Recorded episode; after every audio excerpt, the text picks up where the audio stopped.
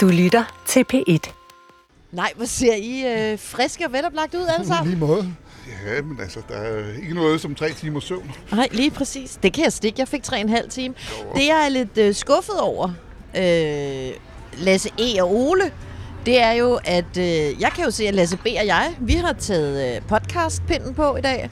Og hvor er jeres podcastpind, som vi jo øh, tog på ind på ambassaden i går, da vi var inde og besøge øh, herr ambassadør? Jeg har fået stukket sådan en i, i hånden, jeg ved ikke hvor mange gange, så jeg har lommerne fulde, men jeg gider altså ikke tage den på.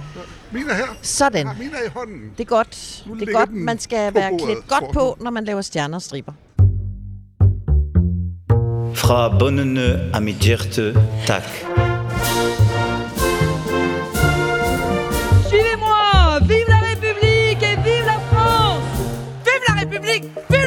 Et surtout, vive la France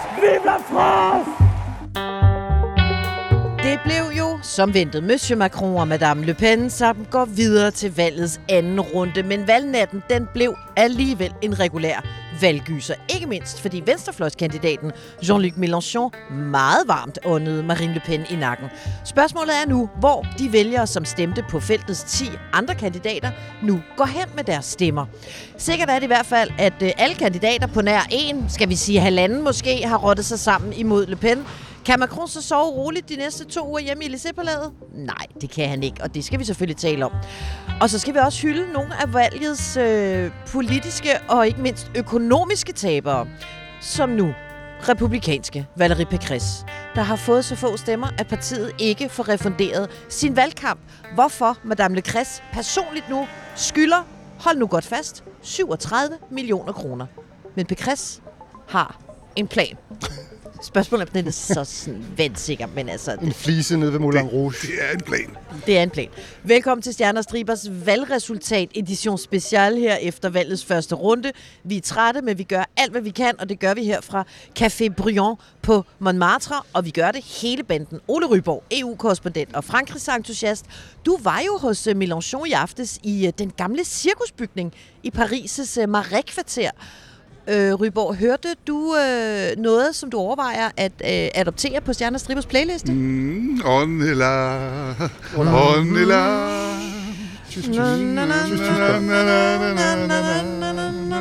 Nå, vi tager den senere, vi tager den senere. Lasse Engelbrecht, udlandsjournalist og hushistoriker, og ikke mindst flue på væggen øh, hos Le Pens valgfest. I løbet af i går aftes, der øh, så jeg på din Instagram, at du øh, primært opholdt dig i nærheden af et enormt stort sølvfad, fyldt med flasker med afkølet øh, champagne. Marine Le Pen champagne. Fik du smagt den? Nej, jeg gjorde tilløb til det. Jeg gik hen og stod, jeg stod jo, som man kan se på Instagram, og kiggede på dem ret meget, fordi jeg var imponeret, at hun har sin egen champagne. Så gik jeg hen, og så, så kom, jeg, så kom det bare ud af mig, okay, det- hun har sin egen champagne. Det er da stort, sagde jeg så, og kiggede på ham, der stod og serverede champagnen. Det var så en sort fyr, som så bare kiggede på mig. Ja, det er stort, afhængig af hvem du lige er. så jeg droppede det simpelthen. Det var for politisk, det der. Jeg har jo stadig en flaske deroppe. Vi må finde ud af, hvornår vi skal drikke. Lasse Bav tilrettelægger ekstraordinært. Du havde jo simpelthen fået stuerest i går aftes, øh, fordi du lige præcis skulle tilrettelægge en øh, podcast ekstraordinær. Jeg kom jo i seng halv tre nat, så jeg bliver simpelthen nødt til at bede dig om, fordi jeg står op igen klokken 6, at du skal fjernstyre mig gennem den her omgang. Lover du det? Det skal jeg nok. Det er jo derfor, vi sidder på den her fortogscafé, fordi så kan vi løbe i pendulfart ind og hente espresso og kaffe creme og hvad der skal til for at, at holde jer kørende. Ja. Og der må vi bare sige, det har du gjort godt frem til nu. Ja, det er godt. Det er Hvis godt. du strækker benet, Lasse, så kan du sparke hende over knæet. Hvis jeg falder i søvn. Nå, og mit navn, det er jo uh, Stephanie Suryk. Jeg er sådan lidt uh, en klatret udgave af en korrespondent og podcastbestyrer. Jeg var til uh, Macrons valgaften i går. Det var simpelthen en sløj omgang, uh, men det skal jeg nok fortælle jer om lige om lidt. Vive la République! Vive la France! Vive notre amitié! Merci! Nå, men jeg var altså ikke den eneste, der var på Instagram i går. Jeg fulgte også dig, Stephanie, og øh, jeg troede, det ville være sjovt at være over til den der Macron-fest der. Øh, men de opslag, jeg så fra dig, inden resultaterne kom, det så ærligt talt virkelig røvsygt ud. Men så kom resultaterne. Han fik 27,6 procent af stemmerne. Det er 4 procentpoint mere end ved valget i 2017, hvor han fik 24 i, i første runde. Ændrede det på stemningen til festen? Var det et godt resultat? Ja, det gjorde det altså. Jeg var, øh, nu kan jeg jo godt sige det som det er, jeg fulgte jo også jer på Instagram hele vejen igennem, også dig, Ole, og jeg var faktisk vildt misundelig, fordi øh, den her valgaften ude hos Macron var bum stille. Der var 700 journalister fra 37 forskellige lande, og det virkede som om, der var 3-4 gange så mange journalister, som der var fans. Så man skulle virkelig sådan... Jeg gik rundt og ledte efter Macron-tilhængere, og hver gang jeg prikkede nogen på skulderen, så var det en eller anden kanadisk tv-reporter eller en spansk radiojournalist. Det var, det var sådan fuldstændig bizart. Der var nul sang, der var nul slag, og der var, de var sindssygt nervøse, fordi målingerne jo bare har været så tæt. Så de var skrækslagende for, at øh, Macron og Le Pen ville komme ind side om side, eller endnu værre, at Marine Le Pen faktisk øh, ville vinde. Så kl. 20 tronede resultaterne jo så frem, og så begyndte de at råbe og skrige. Og det var selvfølgelig overvejende jubel, men der var også bare noget lettelse, tror jeg, der blev skrejet ud af de her øh, stakkels øh, makronistiske kroppe, som jo har været øh, virkelig, virkelig nervøse de seneste uger. Øh, og det bizarre var ligesom, at øh, så kom Macron, han holdt en tale, den vil jeg gerne have lov til at fortælle om lidt senere, og så gik alle hjem. Altså det var simpelthen det, det sløjeste valgarrangement, jeg sådan lige umiddelbart kan komme i tanke om, jeg har været med til. Og var der, altså, men havde de slet ikke noget, der forsøgte at sætte gang i det? Altså, da du var til møde, så var der folk, der gik rundt og, med, med, med megafoner og sagde, det her skal I råbe, når han kommer, eller, eller fri bar, eller DJ, eller et eller andet, der kunne sætte gang i dem. Der var intet der. Det er faktisk meget god pointe. Jeg tror, at øh, det der gigant vælgermøde, han holdt med 30.000 mennesker og fyrværkerier, jeg tror, de har brugt hele budgettet der. For der var altså ikke noget hæb, der var ikke noget pep. Jeg skal ikke brokke mig, men øh, der stod også, at der var mad, der blev serveret. Der var sådan nogle kanapéer, som er på størrelse med min kvarte lillefinger, ikke? Det siger du vil næppe med milde øjne på. Nej, nej, nej. Jeg blev selvfølgelig, men jeg havde taget snacks med min taske selvfølgelig, ellers så fungerer jeg jo ikke. Men det betød jo også, at de der gæster, som jo typisk set skulle øh, spise maden, de jo både var så lidt sultne og lidt restløse, og jeg tror, jeg så fire mennesker drikke en øl. Altså, det var bare virkelig en sløj, stresset omgang. De ved godt, at de skal slet ikke feste nu, de skal bare føre valgkamp. Men altså, jeg bliver nødt til at, øh, jeg bliver nødt til at tale om en mand, som jeg er begyndt at overveje, om i virkeligheden er valgets moralske vinder. Fordi, da jeg stod ud til Macrons valgfest, så var der sådan nogle store skærme. Øh, efter resultatet, Macron skulle komme ud. Han kørte i sådan en øh, konvoj, en bilkonvoj gennem Paris, langs scenen. Og den blev live-transmitteret af Jeff. Jeff, han er reporter på den tv-station, der hedder France 2, og han har fået til opgave, og det er jo en fuldstændig øh, vild opgave, du skal bare lige tale Macron øh, gennem Paris. Det bliver fedt. Det bliver rigtig fedt. Øh, det blev det bare ikke, fordi politiet synes ikke, at Jeff skulle køre på motorcykel om bag præsidentens Og bil. det foregik altså så helt konkret på sådan en måde, at han havde et kamerahold kørende bag ved motorcyklen og filmede ham hele vejen. Og politiet var irriteret på begge motorcykler. Både Jeffs motorcykel og kameraholdets motorcykel. Så de prøvede ligesom at, at holde dem tilbage. Med det resultat, at kameraerne var bag Jeff, så Jeff kunne ikke engang kigge ind i kameraerne. Så han speaker i 20 stive minutter i nattemørke og job. lige ind i nakken på den mand, der kører scooteren. Altså han sidder simpelthen og under 20 minutter i træk. Live transmitterer han en køretur, hvor der intet sker ind i, øh, i nakken på en anden mand. Øh, og på et tidspunkt, der løber Jeff jo simpelthen tør for lommeul. Han har jo ikke mere at sige. Øh, så der begynder Jeff bare at spekulere og gætte på, hvad Macron sidder og tænker på inde i den der bil. Øh, no need to say, Twitter fik jo en fest over Jeff. En. Jeff-fest. Scooter Jeff. Scooter Jeff. Fantastisk. Men Han- du ved godt, hvad han kommer til at lave til sommer. Tour de France? Tour de France. Ja, det er rigtigt. Han er jo, han er jo simpelthen nu... Altså, han, kommer, han er jo oplagt til Tour de France-karavanen, ikke? Fuldstændig. Han, øh, altså, han holdt jo ikke en pause i de der 20 minutter. Det er trods alt en præstation. Det er en præstation. Nå, og så fik han jo altså Macron frem, og da han gik på scenen, ikke Jeff, han forsvandt ud af billedet der, men øh, Macron, øh, der lovede præsidenten, præsidentkandidaten jo, at nu skulle han nok virkelig fyre den af her frem til anden valgrunde. Durant les 15 jours à venir, ne ménageons aucun effort car rien n'est fait. Soyons I de næste to uger, der skal vi ikke holde igen, for intet er afgjort. Vi skal være ydmyge, og vi skal være stålsatte, lød det fra Macron foran øh, den her chat mennesker, der var dukket op og øh, huskede at klappe og vinke med alle de der flag, de havde fået stukket i hånden, da de kom ind i salen. Er det, Stephanie, altså, synes du, det er en nervøs Macron ham her? Er det en, der er lidt er lidt bekymret for, for, om han skal ud og finde et nyt job i det private erhvervsliv om en måneds tid. Han sørger i hvert fald for at fremstå bekymret. Altså, han bliver ved med at sige, husk nu, Marine Le Pen kan godt vinde. Vi kan ikke tillade os at læne os tilbage. Han er meget omhyggelig med ikke at have sådan en øh, den er hjemme udstråling, for det er den jo heller ikke. Altså, han skal øh, slå Le Pen. Øh, målingerne tyder jo på, at vi får en meget tættere duel mellem de to, end den duel, vi så mellem dem i 17, hvor han med ret, vi kan næsten sige lethed, øh, slog hende af banen. Ikke? Øh, er han så inderst inde nervøs? Det kan jeg nogle gange være i tvivl om, fordi Macron er jo begavet med en selvtillid på størrelse med Eiffeltårnet. Han tror så meget på sig selv, at jeg nogle gange kan være i tvivl om, om han faktisk kan øh, være usikker. Hvad, hvad, hvad, hvad tror du? Jamen, tror, man kan vel også sige, altså, han har jo også den anden, jeg ved ikke, om det er en styrke eller en svaghed, men han tror jo sådan set også på franskmændene. Og at, at, på, at franskmændene i sidste ende ikke vælger, øh, hvad skal man sige, øh, vælger, ja, den, den, det han ville kalde den ekstreme øh, løsning. Ikke? Mm. Noget, jeg lagde mærke til, at han gjorde anderledes i går aftes, hvor han også har lært lidt fra 17, det var, at han tog ikke Brigitte med på scenen i sådan en sejrceremoni. Det gjorde han nemlig i 17 efter første valgrunde. Og øh, det kan jeg huske, jeg så på en skærm. Jeg var til Marine Le Pens valgfest, men tænkte, "Nå, det er da meget sødt. Det skabte kæmpe ballade. Øh, det- jeg kom bare til at tænke på, at øh, han tog hende ikke med på scenen, men til gengæld så havde han jo med ud at gå tidligere på dagen på stranden op ved Touquet, øh, deroppe hvor, øh, er det ikke hans valgkreds, men det var der, han skulle op og stemme. I sindssygt blæsevejr. Det så helt vanvittigt ud. Modvind måske meget symbolsk på men, det tidspunkt. Stadig gode billeder, ikke? Gode Husk billeder. nu, jeg er almindelig Manu, der også elsker og, min og han Brigitte. havde hende jo så med, da han var kommet ned af scenen og lige skulle ud og lave det der, som det, jeg elsker det der udtryk, en, en bain de fuld. Altså, vi tager lige et bad i folkehavet. Og der var, ma- der var øh, Bri- Brigitte med nede, jeg stod og kiggede på det, og så tænkte jeg alligevel, nå, så kom hun lidt i, hun var lige hen og hilse på nogen, så kom hun lidt i baggrunden, hvor efter Macron, han kastede sig hen og kitkyssede en tre-fire kvinder, mens hun stod og kiggede på, og tænkte, ja, ja, okay, det går i La France, men jeg ved ikke, om der var gået i Men det, han har lært, det er jo i hvert fald, man må ikke tage sin hustru med i sådan en sejrsrunde i første efter på en valgaften, som er på første runde, fordi så kan folk synes, man er arrogant, fordi man faktisk udstråler, at man tror, man har vundet valget. Det han oven i købet gjorde i 17 bagefter, det var jo, at han tog sin hustru og nogle meget vigtige mennesker ud at spise på et vanvittigt dyrt brasserie øh, i Paris. Og så begyndte hele historien om, han er de riges præsident. Se bare der, og det er jo altså en historie, der kører videre. Han øh, forsøger i hvert fald at opføre sig anderledes nu. Vive la République Vive la France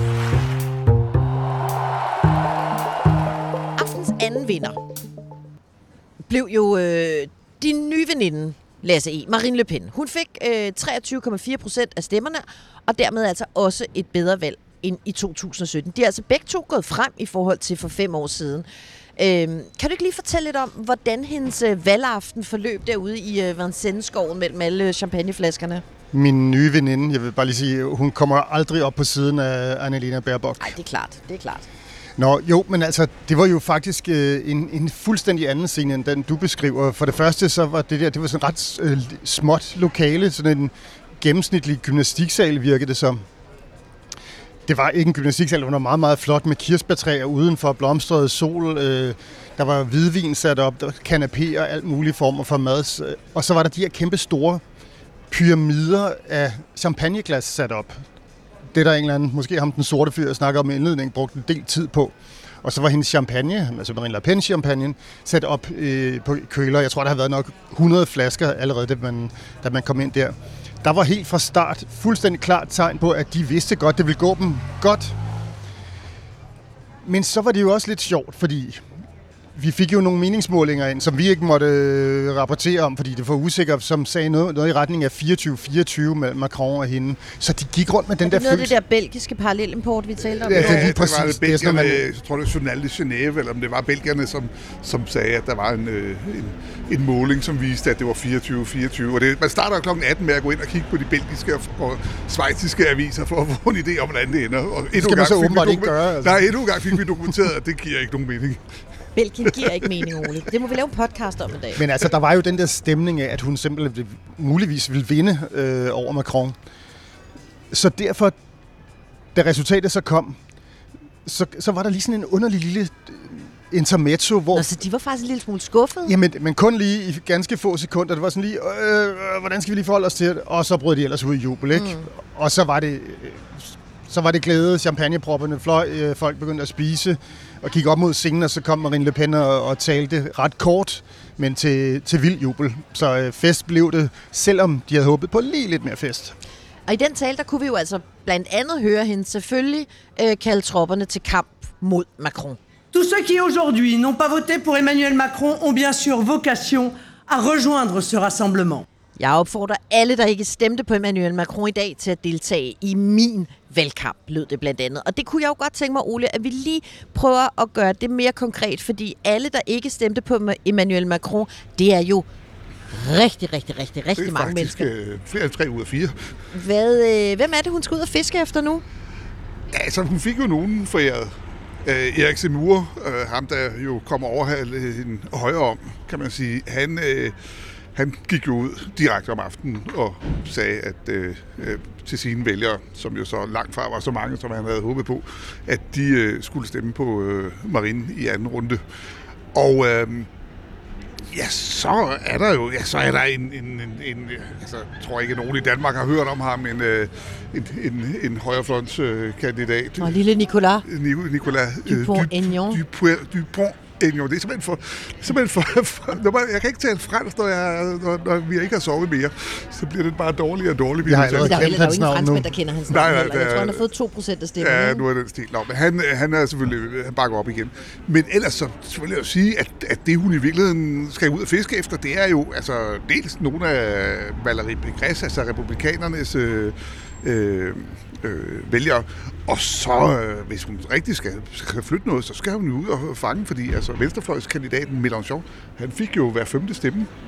Og han er jo utilfreds med den sociale ulighed i øh, Frankrig, og det er Marine Le Pen også, som, som hvis hun virkelig skal fiske i et vælgerhav, som, øh, hvor der er noget, der kan flytte noget, så skal hun jo over og fiske på den yderste venstrefløj. Og det, vil sige, det er jo et langt kast med fiskestangen at komme fra den yderste højrefløj til den yderste venstrefløj, men øh, Det kan lade sig gøre i Frankrig. Det er ligesom det bøjede univers. Hvis du er over på højre Ja, fløj, så skal du bare tage et skridt til du højre, kan- så ryger du over på venstre fløj. præcis, hvis du kaster baglæns, så kan det være, at du er der. Lasse, hørte du øh, ud til Le Pens valgfest, da Simur holdt sin tale og sagde, øh, husk at stemme på Marine?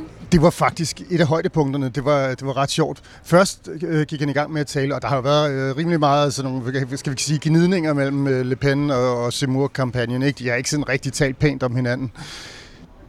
Men da Seymour så kom dertil, at han pludselig sagde, at jeg synes, at I skal stemme på Le Pen, så brød salen ud i den vildeste jubel. Faktisk det vildeste øh, jubel hele aften. Okay. Så øh, det var de glade for at høre derovre. De ved godt, at de har brug for hans øh, opbakning.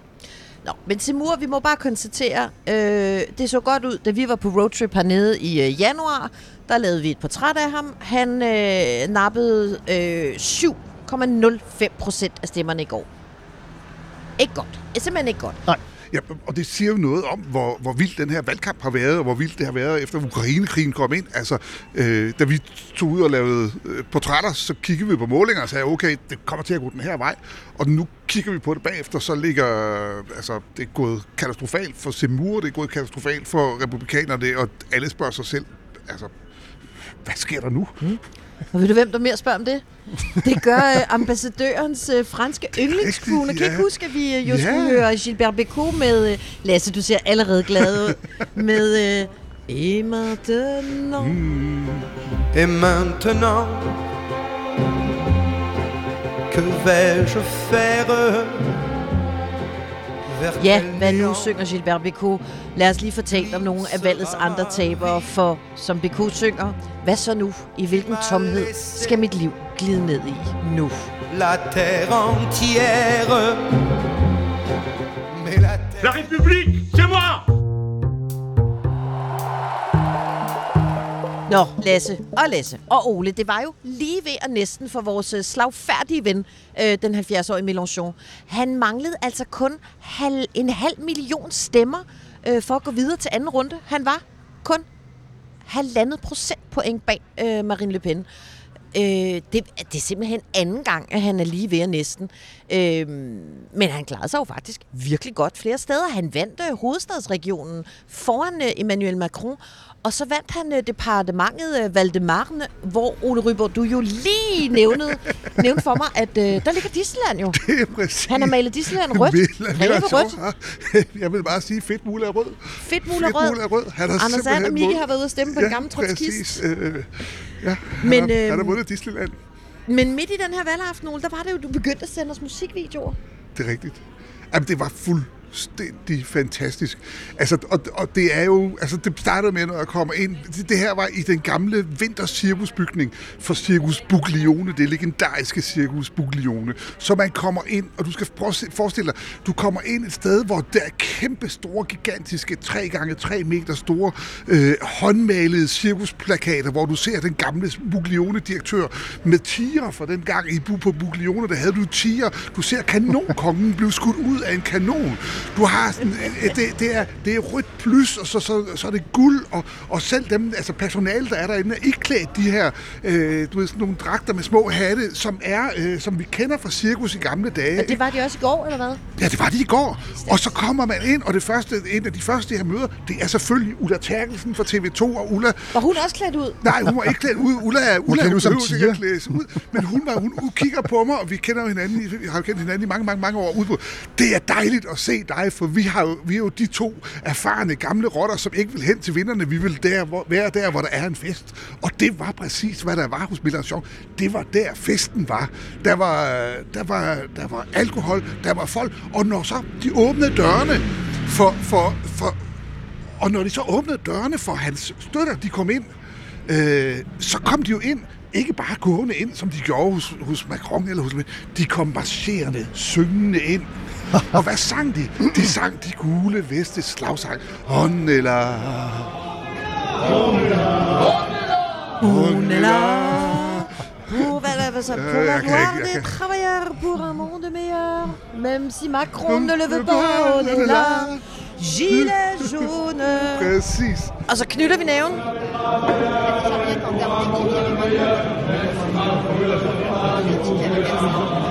Det er jo en øh, ret vild kampsang, Ole. Det er i den grad den vildeste kampsang. Og øh, altså, selv når jeg vågnede her i morges, fordi de sang den jo hele aften, de vendte tilbage og tilbage og tilbage, og når, når Mélenchon kommer efterfølgende, og selv når jeg vågnede i morges, så havde den stadigvæk på hjernen, så det er, og den sidder der lidt endnu, det, er, det bliver en lang dag at komme Jeg har, altså også, jeg har sunget den hele morgen. øh, altså, vi er her, vi er her øh, til ære for det arbejdende folk og for en bedre verden. Og selvom Macron ikke vil have os, så er vi her. Bum. Præcis, sådan, så kan han lære det. Jeg kan altså ikke lade være med at morre mig lidt over det der. Altså satire, tyrkiske brydere, og så kommer Og så- Psyko på scenen med hånden i vejret og synger revolutionssange. Og så får Og han jo Ulla faktisk... Terkelsen. Og Ulla Terkelsen. Uden sammenligning i øvrigt. Så får han jo faktisk et resultat. Det kan godt være, at vi har ham nede i det her kapitel i vores manuskript, der hedder Taberne, men Ole, det, vel, det var ikke, det var ikke en taber, det, vi så i går. Det er den vildeste sejr. Altså, øh, du skal jo helt tilbage til 70'erne, tror jeg, eller 60'erne, før kommunisterne var så, så store. Altså, det er den vildeste sejr, og det kunne du også se. De var simpelthen så stolte af det der. De var selvfølgelig ærgerlige. Altså, det er næsten 22 procent af Det er vælgerne, der har peget på. Macron. Jamen, Eller på tager, Mélenchon. jamen, bare tag det, der hedder Ile-de-France, altså det vil sige Paris med omegns kommuner, har Mélenchon med, godt nok kun med 2.500 stemmer, som det så ud her, når, når vi optager nu. Men Mélenchon har vundet Paris, stor Paris, øh, inklusiv altså, hele de dyre, de dyre områder, hvor vi ser her nu. Han har vundet hele Molchavset over Macron. Paris er rød. det. Det, det, er Kommunist Han Paris. maler byen rød. og- Ikke nu. Hvad, hvad, hvad sagde han til sine vælgere så øh, om, om den anden runde, der kommer nu, som han jo ikke er direkte involveret i i hvert fald? Han, øh, fordi han, han, han, han havde faktisk et budskab, og selvfølgelig når det er Mélenchon, så gentager han jo, så siger han jo ikke et budskab en gang. Så kommer han med budskabet. Øh, Jeg siger det en gang, siger han så. Vi, vi, vi kan stemme ikke på Marine Le Pen. Og så, og så kiggede han først over til venstre i salen, så kiggede han lige ud, og jeg gentager, ikke? stem ikke på Marine. Og så kiggede han over til højre side, hvor, hvor, øh, hvor, hvor vi stod, og han sagde, jeg gentager det igen. Ikke? Altså, stem ikke på Marine Le Pen. Il ne faut pas donner une seule voix à Madame Le Pen. Så han var jo meget klar der, men han sagde jo ikke, stem på Macron.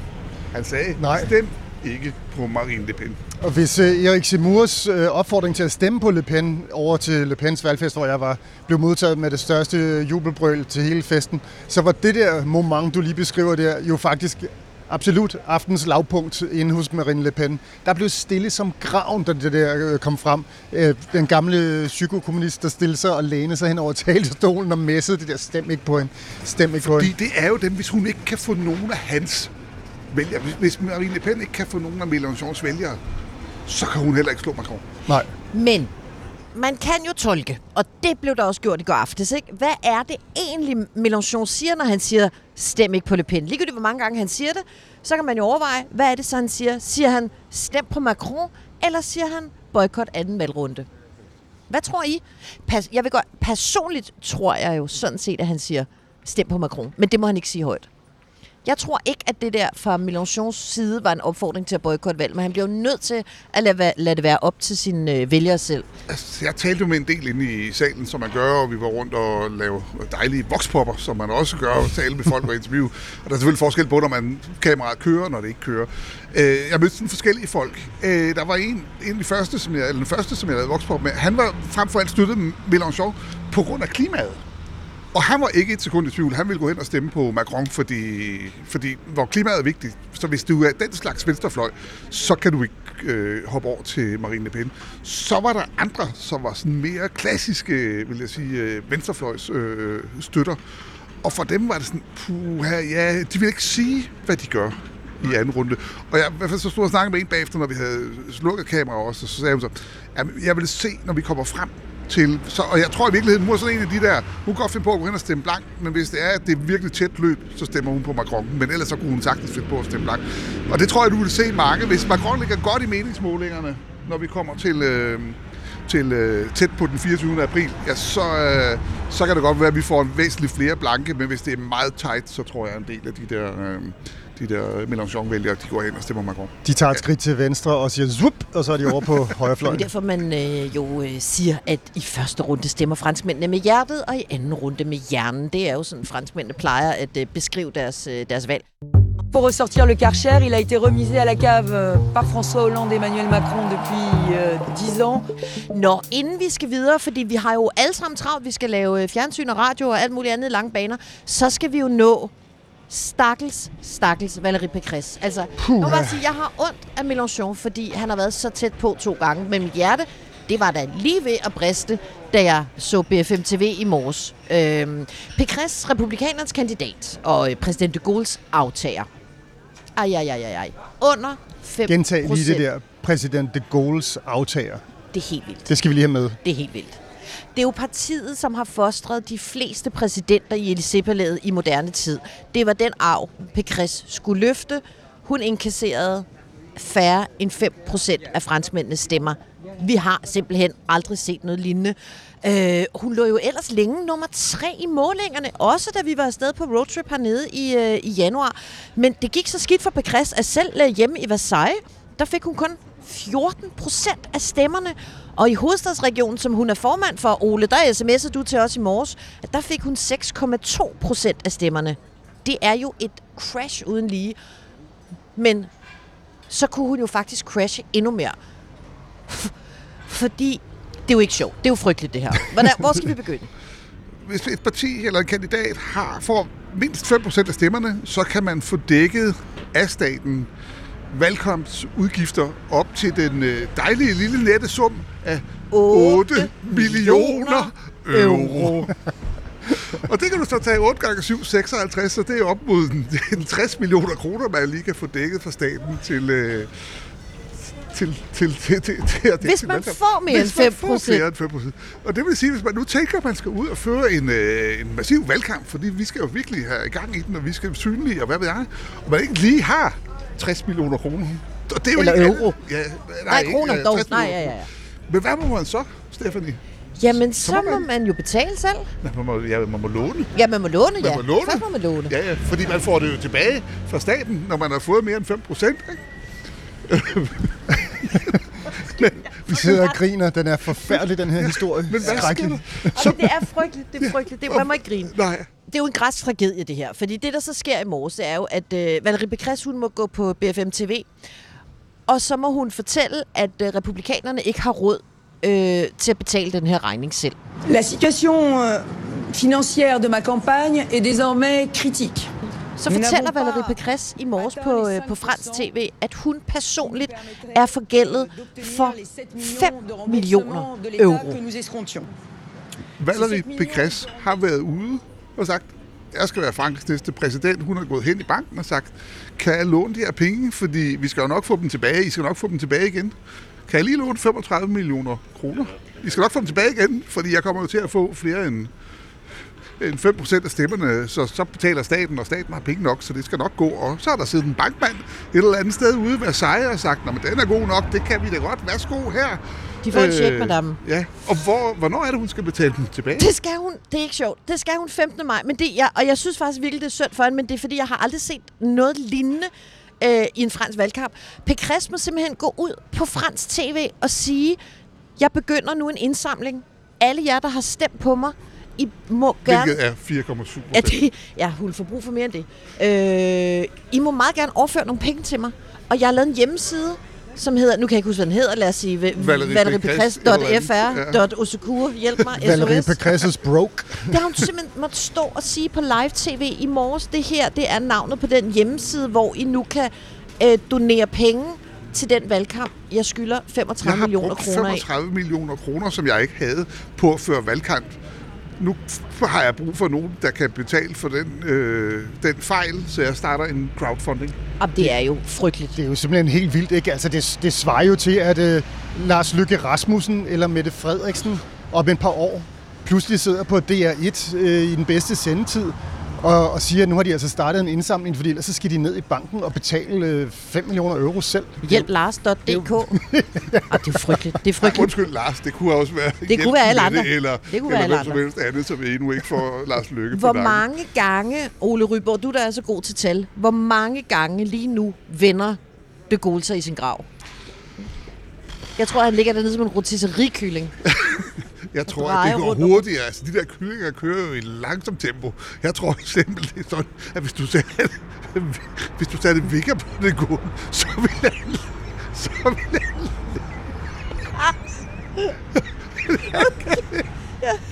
Det er jo ikke sjovt. Det er, fordi vi er så søvnige. Sådan er, når man lægger vand, man sover jo ikke.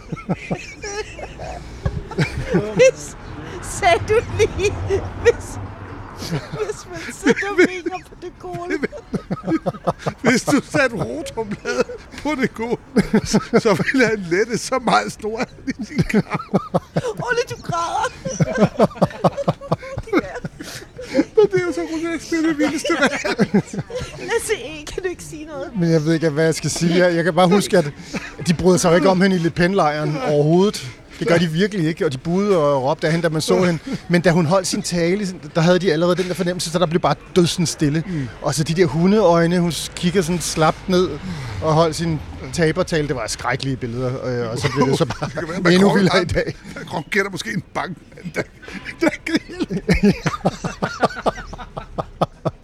De riges præsident kommer til undsætning. Vive la République et vive la France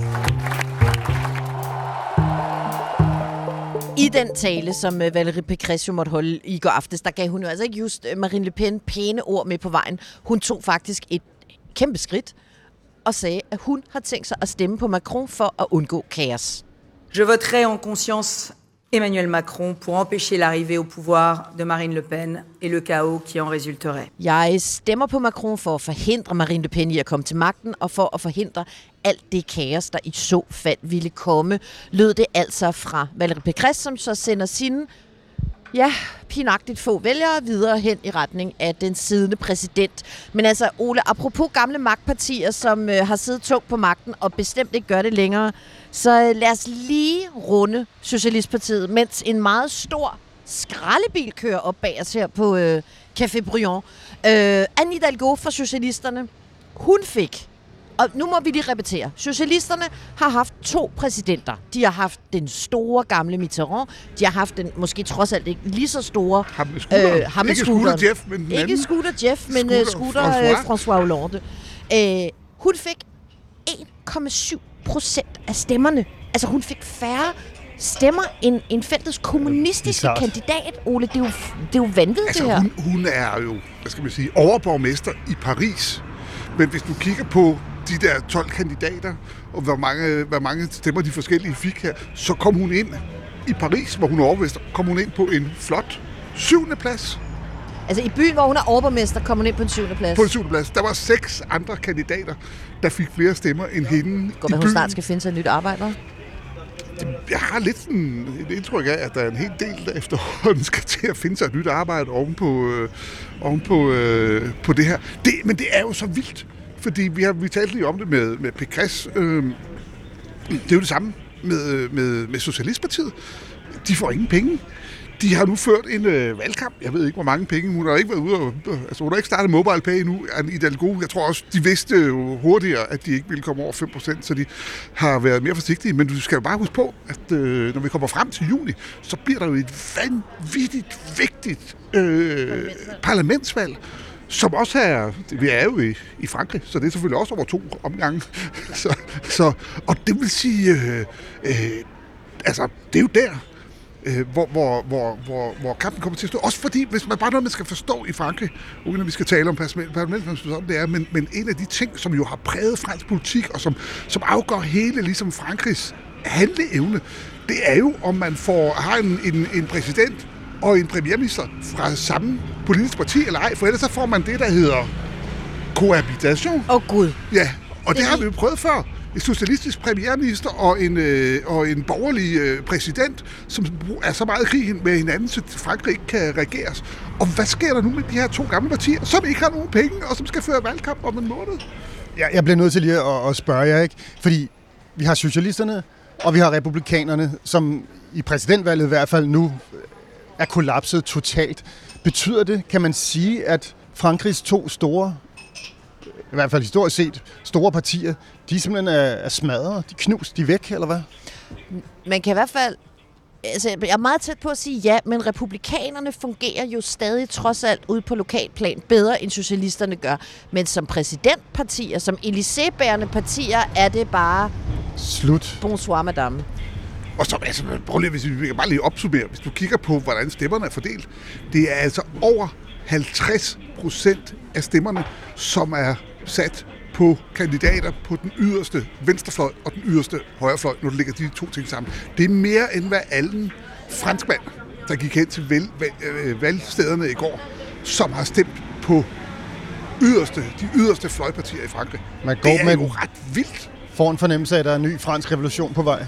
Man får også en meget klar fornemmelse af, at vi har sygt meget mere at tale om, når vi laver næste omgang Stjerner Striber. De kommer jo ud på fredag. Vi bestiller jo nærmest ikke andet end podcast Hvad skal vi tale om der, Stephanie? Jamen alt det her. Altså vi skal tale om, øh, hvad i alverden vi skal holde øje med i løbet af den her underlige tid mellem de to øh, runder. Hvad siger målingerne? Hvor ryger stemmerne hen? At Macron faktisk har en lettet på poen fra kontorstolen og komme på landevejen og føre en ordentlig valgkamp. Kan Marine Le Pen holde til presse? Det kunne hun ikke for fem år siden. Der er så sindssygt meget, vi skal tale om. Men lige nu, der synes jeg faktisk lige, vi skal hylde Monsieur lige ved næsten, mm. øh, Jean-Luc Mélenchon. Fordi for et par år siden, Ole, der interviewede jeg en gul vest, som midt i det hele brød ud i sang. Og oh. hvilken sang, Lasse Berg? On est là pour l'honneur des travailleurs pour un monde meilleur. Même si Macron ne veut pas, on est là. Åh, oh, det, er, det er et godt nummer. Lasse Berg, eller Lasse E., elsker du den? Ja, det, den er skøn. Altså, jeg gik rundt i Marseille i sidste uge og blev skrædet ind i hovedet med den samme sang. Jo, de synger den alle steder. Gilet jaune. Gilet jaune. Nå, venner, øh, jeg ved ikke med jer, men Radiovisen har ringet til mig to gange. Vi bliver simpelthen nødt til at slutte af. Det er, jeg tør ikke engang kigge på min telefon. Vi øh, tales ved. Det gør vi. Nye øh, stjerner. Neo-revolutionen. Livrevolutionen. Ja, vive la France. Surtout, vive la France. Vive la République. Vive la France.